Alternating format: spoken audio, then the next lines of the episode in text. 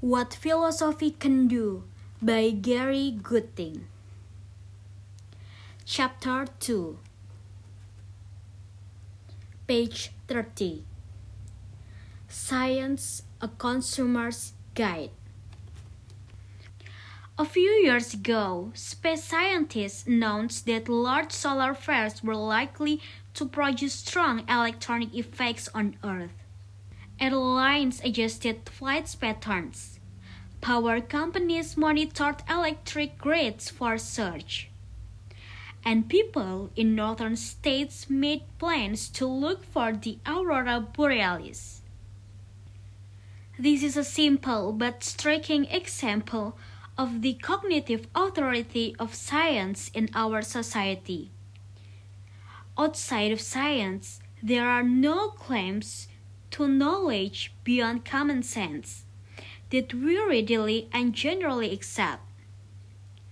If you want people to pay your attention when you're telling them soap, arguing them to support your cause, or telling them how to raise their children, you need to present what at least look like scientific evidence. Chapter 1 introduces a variety of concepts, principles, and distinctions that are relevant to discussions of public issues.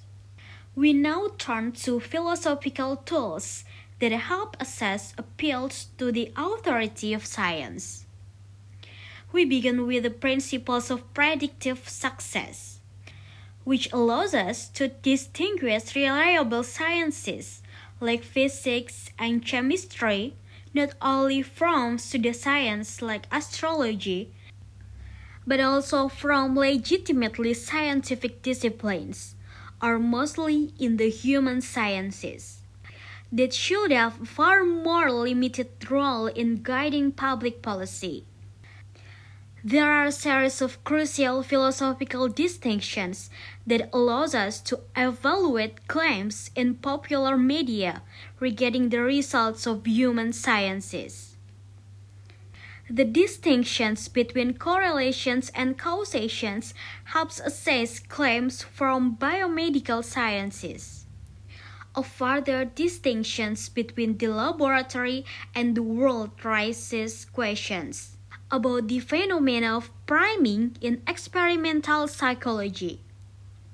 We next look at the limitations of evidence based public policy in education and elsewhere, using the distinctions between what works in one situation and what will work in, in other situations, and noting the problem of self refuting knowledge.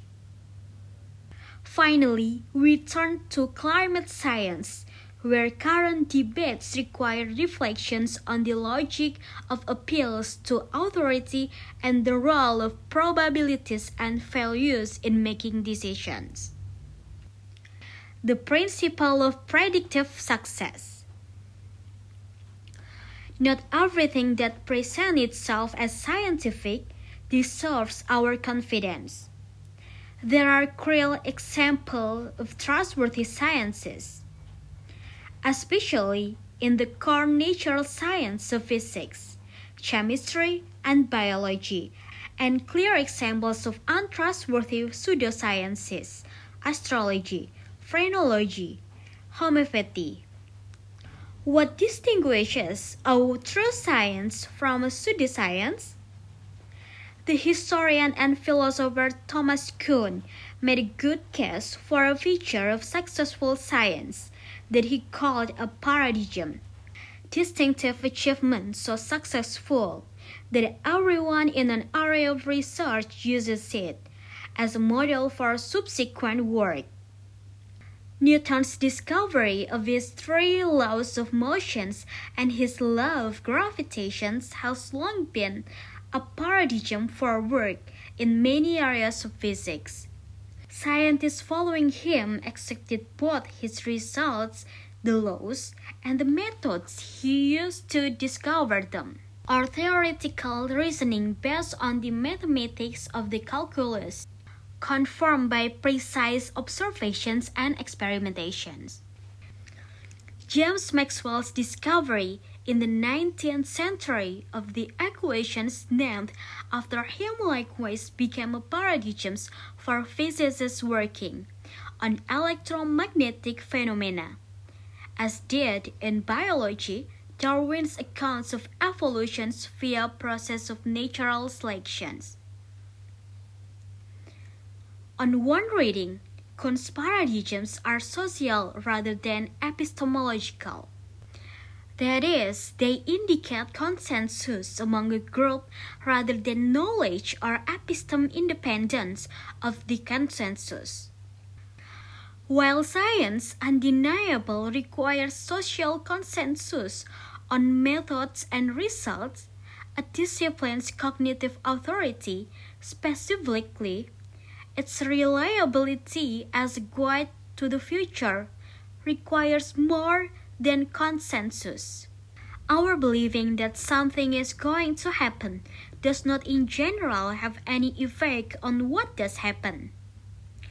Ultimately, the only good reason for thinking that science or anything else can predict the future is evidence that it has done so previously.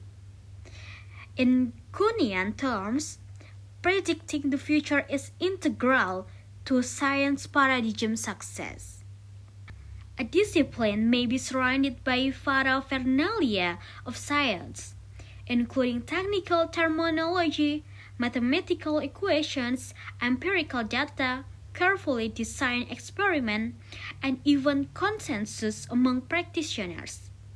Such disciplines may even conform to the principle we discussed in Chapter 1. Practitioners may follow the principles of charity in discussing dispute issues. They may take account of all relevant evidence, and they may even arrive at a strong consensus that minimizes any lingering disagreement. But unless a discipline has strong record of predicting the future, we have no basis for relying on it as a guide to what will happen.